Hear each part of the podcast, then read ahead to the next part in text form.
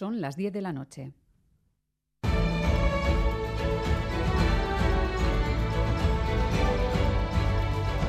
Radio Euskadi y Radio Vitoria.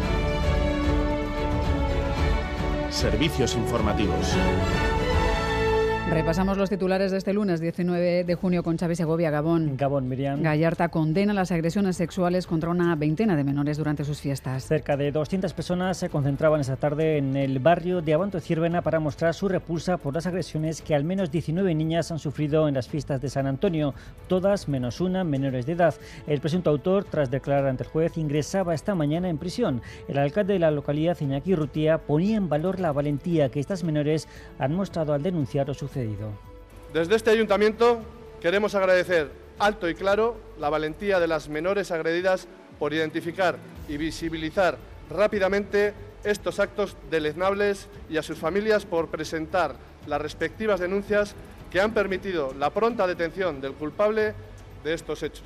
En el comunicado leído en la concentración se pedían nuevas leyes para luchar contra lo que califican de lacra y para que las mujeres puedan vivir sin miedo. Erchañas en lucha y los sindicatos se volverán a reunir mañana. El movimiento asindical y las centrales ERNE, ESAN y SIPE esperan poder llegar a acuerdos y pactar movilizaciones para lo que piden a todos los sindicatos secundar las protestas, movilizaciones como las que tendrán lugar el día 22 de junio y especialmente la gran movilización que han convocado para el día 27 de junio en la que piden al gobierno vasco y al Cariño Gurcuyu que escuche sus reivindicaciones. El Banco de España ha elevado un 0,7 puntos porcentuales su previsión de crecimiento para la economía este año hasta el 2,3%. Un incremento que se debe en gran medida a las exportaciones y a las inversiones, mientras que el consumo de los hogares se mantiene estancado. Detalla que el dinamismo del mercado laboral, el mayor despliegue de los fondos europeos, la disminución de las presiones inflacionistas y la reducción de las perturbaciones negativas de ofertas pasadas son otros de los elementos que tirarán al alza del crecimiento en los próximos meses. Basquevolt fabricará para finales de año una batería que puede transformar el futuro de los vehículos eléctricos. Se trata de un prototipo de batería de litio en estado sólido resultado de una investigación público-privada impulsada por el gobierno vasco que permitirá reducir hasta un 30% el coste de las actuales baterías eléctricas y aumentar hasta un 50% su autonomía. Francisco Carranza es el CEO de Basquevolt. La diferencia fundamental que tenemos con respecto a todos los otros es la reducción de coste. Que el pack de baterías se pueda integrar dentro del vehículo con un 30% de coste inferior a lo que tiene hoy día. Eso nos va a permitir acercarnos mucho hacia la paridad de coste entre el vehículo de gasolina y el vehículo eléctrico.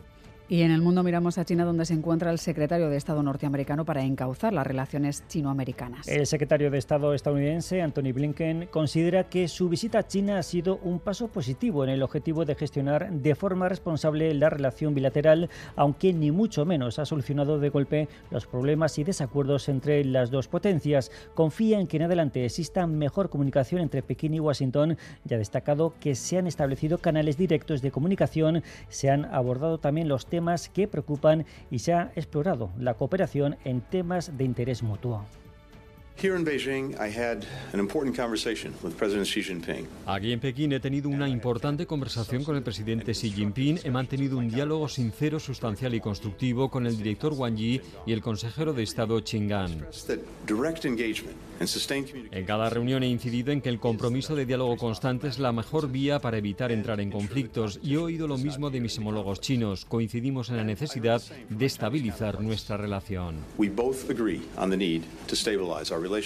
En la cultura, el Teatro Arriaga acoge el jueves el estreno mundial de Orgia. Se trata de una ópera cuyo director de escena y artístico del Teatro bilbaíno, Calisto Vieito, es el autor del libreto de esta ópera de Pier Paolo Pasolini, donde ha tratado de captar el corazón de la obra original. Es una oportunidad, dice, para denunciar a una sociedad intolerante, hipócrita, cruel y despectiva con todos aquellos que se salen de las normas establecidas. Es un espectáculo sobre los conflictos humanos personales de cada uno, la autodestrucción, la culpa, sentimiento de culpa, intentar enfrentarse a uno mismo, que uno lo hace cada día, y en Gasteiz recibimiento multitudinario para celebrar el ascenso del Alavés. Miles de personas han abarrotado la Plaza de la Virgen Blanca para festejar el ascenso a primera del equipo gastistarra, un recibimiento donde ha habido aurrescus, ofrenda a la patronal, a la patrona, perdón, y también por supuesto el héroe del ascenso, Asier Villalibre, ha cumplido su palabra y ha tocado la trompeta.